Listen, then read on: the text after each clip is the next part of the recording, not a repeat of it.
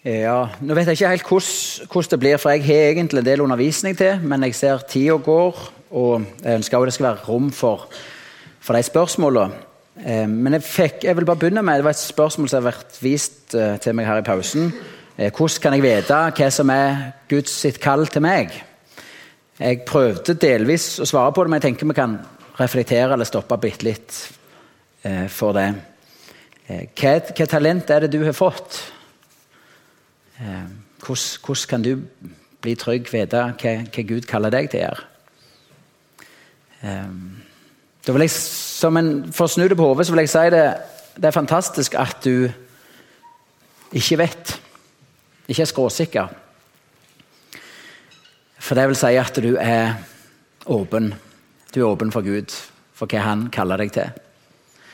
Eh, og jeg kan ikke, og det vet jo dere, jeg kan jo ikke svare deg hva, hva, hva, Gud kaller deg til. Men, men, jeg vil si det er et fantastisk utgangspunkt for Gud at vi er villige til å gjøre Hans vilje. Villige til å forvalte de talentene som Han gir oss eller har gitt oss. Det er et fantastisk utgangspunkt. og Det kan vi takke Gud for, for Bibelen sier at det er Gud som virker i oss, både som vi vil. Så hvis du sitter her og så tenker yes, jeg har så lyst til å leve for Jesus, og jeg har så lyst til å bruke livet mitt eh, på det som han kaller meg til.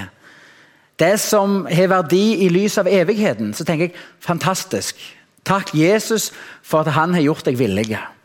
Så allerede det, hvis du sitter her og kjenner på en sånn Ja, jeg vil leve for han. Eh, så skal du bare takke. Du skal begynne å takke.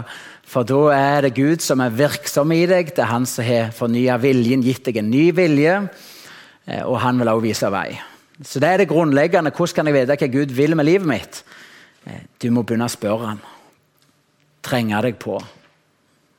Be til ham. Konkrete valg du står overfor. Be han om å vise vei. Eh, når det er sagt, så vil det for de fleste av oss være en prosess der vi ofte er usikre underveis når det gjelder det å finne ut hva Gud kaller oss til. Hva Gud vil eh, bruke oss til. Eh, der, eh, der, du skal få lov til å være en disippel. Eh, for det er det vi er. Vi er elever i Jesus' skole. Vi er ikke utlært, men vi er underveis. Og det er Derfor jeg sier dette. Ikke vær redd for å prøve. Ikke vær redd for å ta på deg en utfordring. For når det gjelder å finne ut og komme inn og være og leve i Guds kall, så er det ofte en kombinasjon av vårt om du vil, personlige indre liv med Jesus ved hans føtter, lyttende til hans ord, i bønn til han i stillhet. En kombinasjon av Jesuslivet vi lever, og også et ytre kall. Ifra det kan være lederskap i ungdomsmiljøet, i menigheten. Eh, Gud kan bruke dine foreldre. Det er mange ytre ting Gud kan bruke, men at du får en ytre utfordring du, Kunne du blitt med og Bygg det nye rommet. Kanskje Gud kaller deg til å være med på en oppussing. Kunne du vært med og jeg jo litt klassisk, Kunne du vært med og spilt eller sunget? Altså, det kan være ulikt. Kunne du vært med på søndagsskolen? Kunne du vært med i tekn... Altså, det kan være konkrete ytre oppgaver som er sånn første Ok, Gud ser du er villig, så gir han deg denne lille her. Ta den. Begynn med dette. Eh, jeg husker første gang jeg eh, delte noe om, eh, om Jesus. Iallfall sånn som jeg kan huske. Når jeg var 21 år gammel, så fikk jeg et nytt møte med Jesus. Jeg hadde levd hele ungdomslivet mitt. Jeg gjorde opprør mot foreldrene mine når jeg var 13. og De var jo kristne og de var søndagsskolelærere og Yngres formann så opprør mot foreldre ble også til opprør mot Gud. Så jeg hadde levd fra jeg var 13 til jeg var 21, sånn halvveis med ryggen til Gud. Jeg hadde aldri full glede for å bruke de klassiske begrepene i verden. Jeg liksom levde det livet. Jeg hadde dårlig samvittighet. Jeg lengta tilbake til det gode livet jeg hadde med Jesus, men jeg kom meg liksom aldri tilbake. kom ikke noen vei. 21 år gammel sitter jeg sånn som dere kveld etter kveld på et alfakurs. og Så får jeg høre sannheten fra Bibelen om at Jesus elsker meg. Om at det var også for meg han døde på korset. At han kaller meg tilbake, at han, han, vil ha meg nær.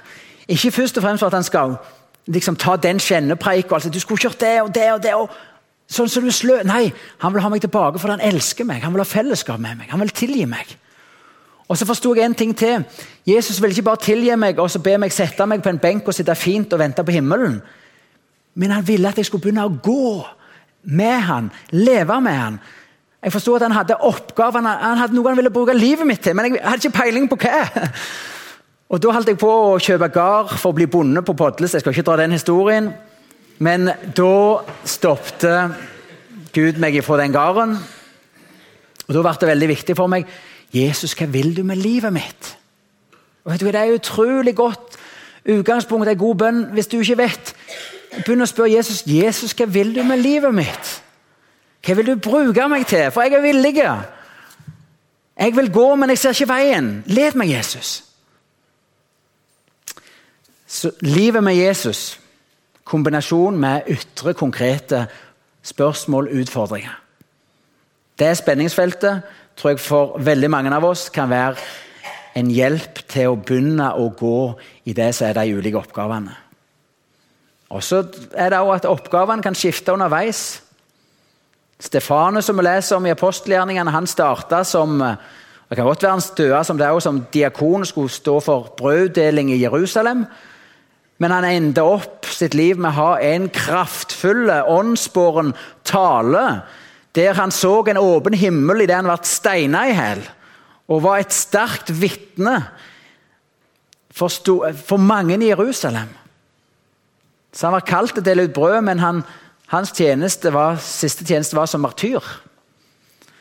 Nå er det ikke mange av oss som får eller erfarer det, men oppgaven kan skifte underveis. Mitt poeng med disipler, vi er underveis med en mester. Han ber oss om det ene, og så gjelder prinsippet at den som tror i smått, han blir også sett over mer. Og så kan vi være rause med oss sjøl der vi får prøve og feile. Ikke være så livredde for at tenk hvis jeg gjør noe feil. Eller, nei, vet du hva? Det er lettere å styre en som er i bevegelse, eller en som bare får sittesår av alle vil reise seg. For han skal ha alt så klart og avgjort før han går. Så la oss reise oss. Vi vil gå for Jesus, vi vil gå med Jesus. Vi er ikke redde for å prøve og feile. Og En annen ting som også har betydd litt i mitt liv, det er ikke at vi skal leve på det, sånn sett være avhengige av det, men det at vi ser hverandre. Gud har gitt oss også hverandre. Jeg husker ennå det er sånne enkle setninger som eh, var sagt til meg du, Når du forklarer noe fra Bibelen, så syns jeg det er så lett å forstå. Det var før jeg hadde hatt en eneste tale. Det var gjennom vi så venner og snakket om ting vi leste. At vi våger å være med og bekrefte hverandre. Styrke det som vi ser. Vet du hva? Det kan godt være det er det Gud har kalt han til. Så det er med, det er ikke, noen andre som kan si 'dette skal du gjøre'. nei, men vet du hva? vi kan få være med og bekrefte. Gi respons på det vi ser. Sånn kan vi òg bli trygge i at vet du hva? Og så er det ikke sånn at pila bare går oppover hvis vi er i de oppgavene Gud vet du hva? Det kan være som Stefanus. Lidelse, motstand, stengte dører. Men Da får vi nåde til å bære det òg. Men det jeg skulle si, første gang jeg delte noe fra Bibelen, da var jeg med og sang i et uh, kor, Jubel, Saron Bryne. Og det var bare sånn eh, Jeg, jeg var jo veldig begeistra for Jesus, for han hadde vunnet meg, tilgitt meg. Så jeg, Jesus var jo livet, og det er han fortsatt. Men så var det akkurat som det var bare et bibelvers som jeg uff, jeg må bare få dele det. Og Jeg husker jeg sto i Nå går jeg nesten ut av kameravinkelen, men jeg sto i korrekkene sånn. Men det ene skrittet jeg tok ut av koret for å vitne og dele et bibelvers Jeg tror nesten det er det tyngste skrittet jeg tatt til en talerstol. Er dere med? Nå kan jeg tenke ja, men det var jo bare å si et bibelvers og noen setninger eller tanker rundt det. Vet du hva? Det, ganske, det kosta meg ganske mye. Og, Sånn kan det godt være at du kjenner på noe at oh, det skulle vært gjort noe med dette. For Sånn kan Gud kalle det være du ser et behov, en oppgave. Så tenker vi først Noen skulle ha gjort noe med det, men så kan det være at det, du er den personen Så er dere med? Gud kan kalle gjennom at du ser et behov, en nød, en oppgave. Det skulle vært sånn eller sånn. Ja, er du villig? Så er også i det spenningsfeltet med at vi, vi sanser, vi ser, vi lever, vi observerer, vi ser behov, utfordringer. I alt dette så kan Gud være over det. Og så er vi ofte usikre, men så skal vi hvile etter det en som har kontroll. En som kan lede, en som både gir nådegave og han gir oppgaver. Og er vi villige, ja, så skal vi ikke plage oss med sjøl med at vi, vi, kan bruke hele livet uten å gjøre det Gud egentlig ville. Nei, vet du hva? Da skal vi stole på Gud. Han vil gripe inn. Legg din vei i Herrens hånd, stol på Han, så griper Han inn. Så Jeg kan ikke gi et kort, enkelt svar med hvordan du skal bli trygg på Guds kall, men grunnleggende svar er Jesus. Sannheten om deg og meg, vi er læresveiner. Vi er underveis vi er en mester. Vi lærer underveis. Vi prøver og feiler. Og så kan vi som disippelfellesskap gi hverandre respons. Og så er Gud også innsett ledere blant oss disipler som kaller, og som også legger hendene på. Innsetter andre til tjeneste osv. Så, det, det er mange hender som kan være virksom i det til å få deg på rett plass. Eh, jeg fikk også et godt spørsmål eh, i kaffen om eh, i forhold til Det kan være vanskelig å skal si, harmonisere. På den ene siden av Bibelen taler tydelig om at vi ikke må miste vår lønn. At vi ikke må bygge med halm og strå, sånn at lønna for vårt arbeid går tapt. Vi sjøl blir vi frelst, men det går opp i røyk. Eh, lignelsen om talenter om at vi vil få en respons på hvordan vi forvalter dem. Det kan være vanskelig å harmonisere dette både med tanken om bare nåde, men da må vi ta med at også Guds nåde er virksomme i oss. Første Titus brev, kapittel 2 og vers 11 sier Guds nåde er åpenbart til frelse for alle mennesker. Det er begynnelsen, det er fundamentet, det er starten. Guds nåde Jesus Kristus ble åpenbart og vist til frelse. Og så fortsetter det. Den, altså Guds nåde, oppdrar oss til å si fra oss de verdslige lyster, så vi lever et hellig liv. Og så fortsetter det. Guds nåde åpenbart til frelse. Den samme Guds nåde oppdrar oss, former oss som disipler av mennesker. Får oss til å prioritere annerledes, leve annerledes. Så Derfor er det også sant at det er Guds nåde som eh, skaper tjenesten i oss. Paulus sier 'Jeg har arbeidet mer enn alle andre'. Det er jo bare Paulus som kan si det. Eller rettere 'Guds nåde i meg'. Og Det vil også være sant hvis Gud får sin vei med deg og meg. Ja, vi skal arbeide, men så kan vi rette oss rettere 'Guds nåde i meg'. Guds hellige ånd virksomme gjennom ditt og mitt liv. Så, så, dette er ikke uten nåde. Men også en, en, en tekst som også kan være vanskelig å harmonisere med det med, med lønn, ulik, om du vil. Lønn, ulik autoritet, ulike oppgaver. At det også får konsekvenser videre i himmelen. Det er teksten om arbeideren i vingården.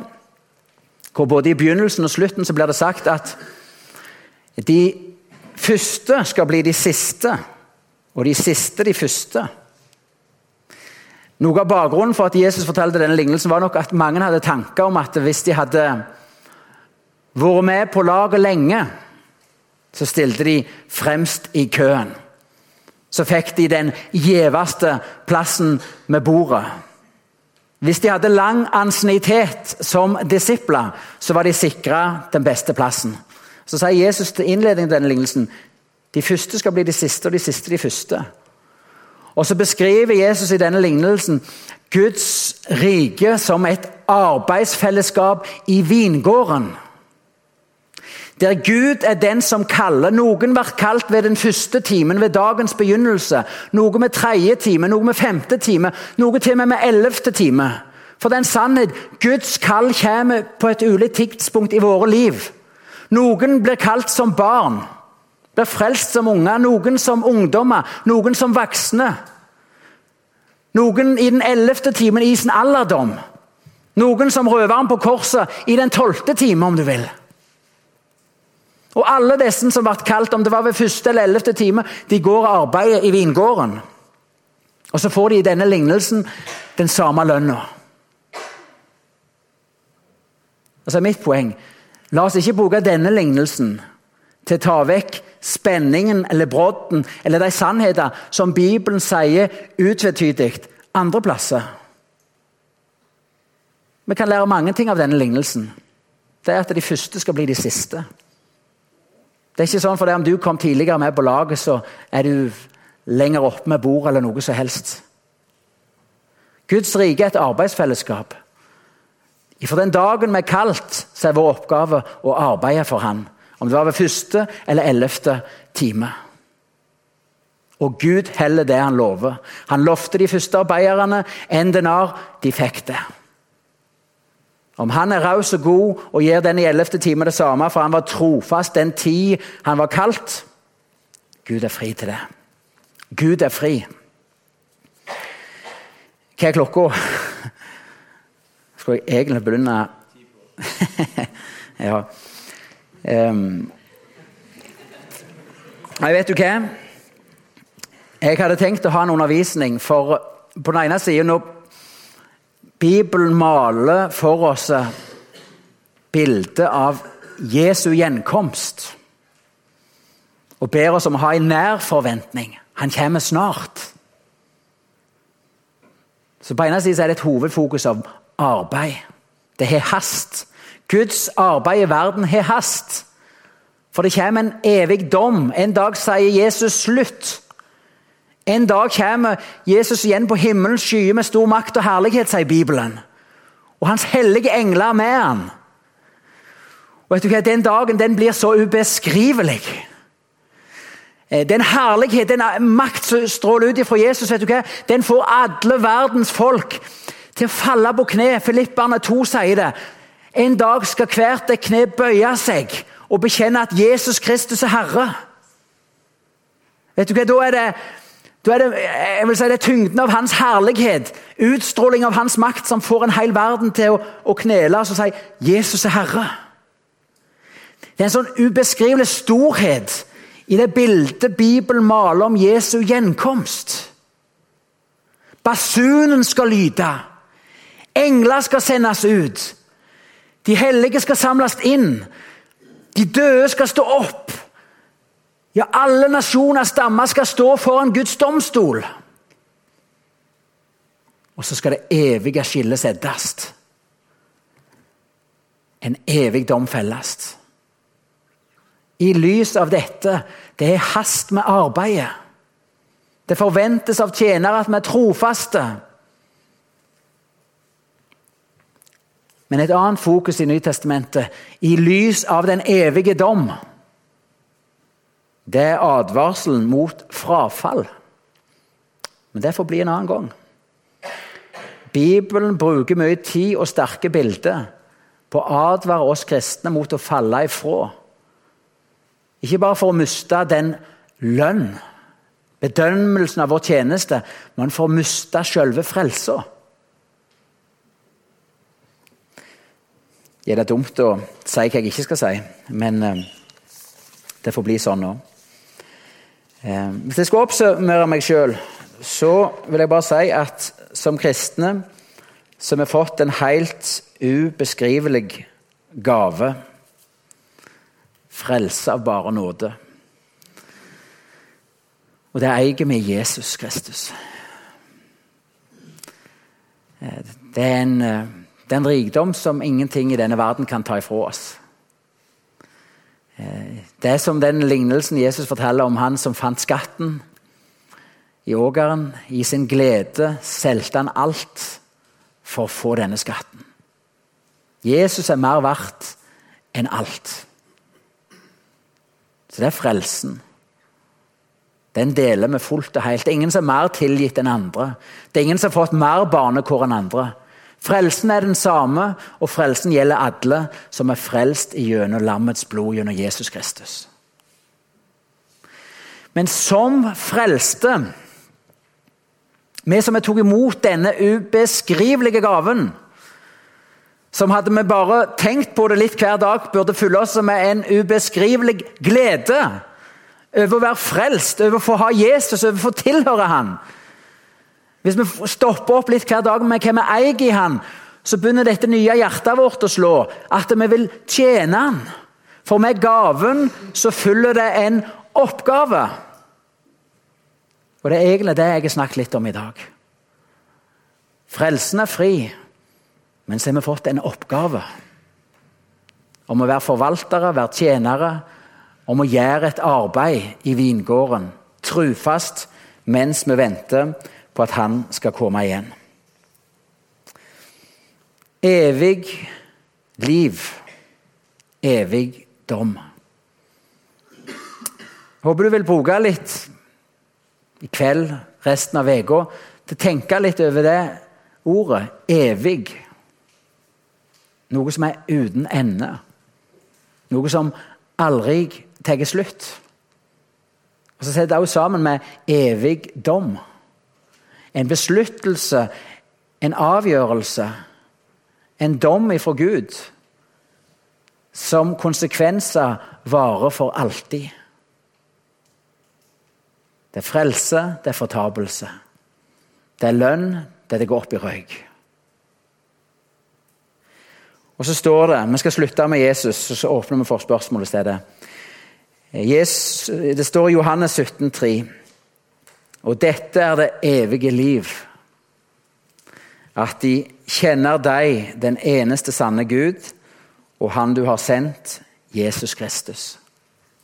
Dette er det evige liv. Dette er det liv som aldri tar slutt. Å kjenne i Bibelen vet du hva, det er mer enn å ha kunnskap om, teoretisk kunnskap om. Å kjenne betyr i Bibelen å ha liv og fellesskap med. Dette er det evige liv. Dette er det livet som aldri tar slutt. At vi har liv og fellesskap med den eneste sanne Gud og Han han har sendt, Jesus Kristus. Og Derfor er det også riktig at det evige liv har begynt for oss som allerede nå har fått blitt kjent med Jesus Kristus. For fellesskap med Jesus skal aldri ta slutt. Det er for evig. Det er han vi elsker fordi han elsker oss først. Og det er han vi vil tjene fordi han tjente oss først. Ja. Amen.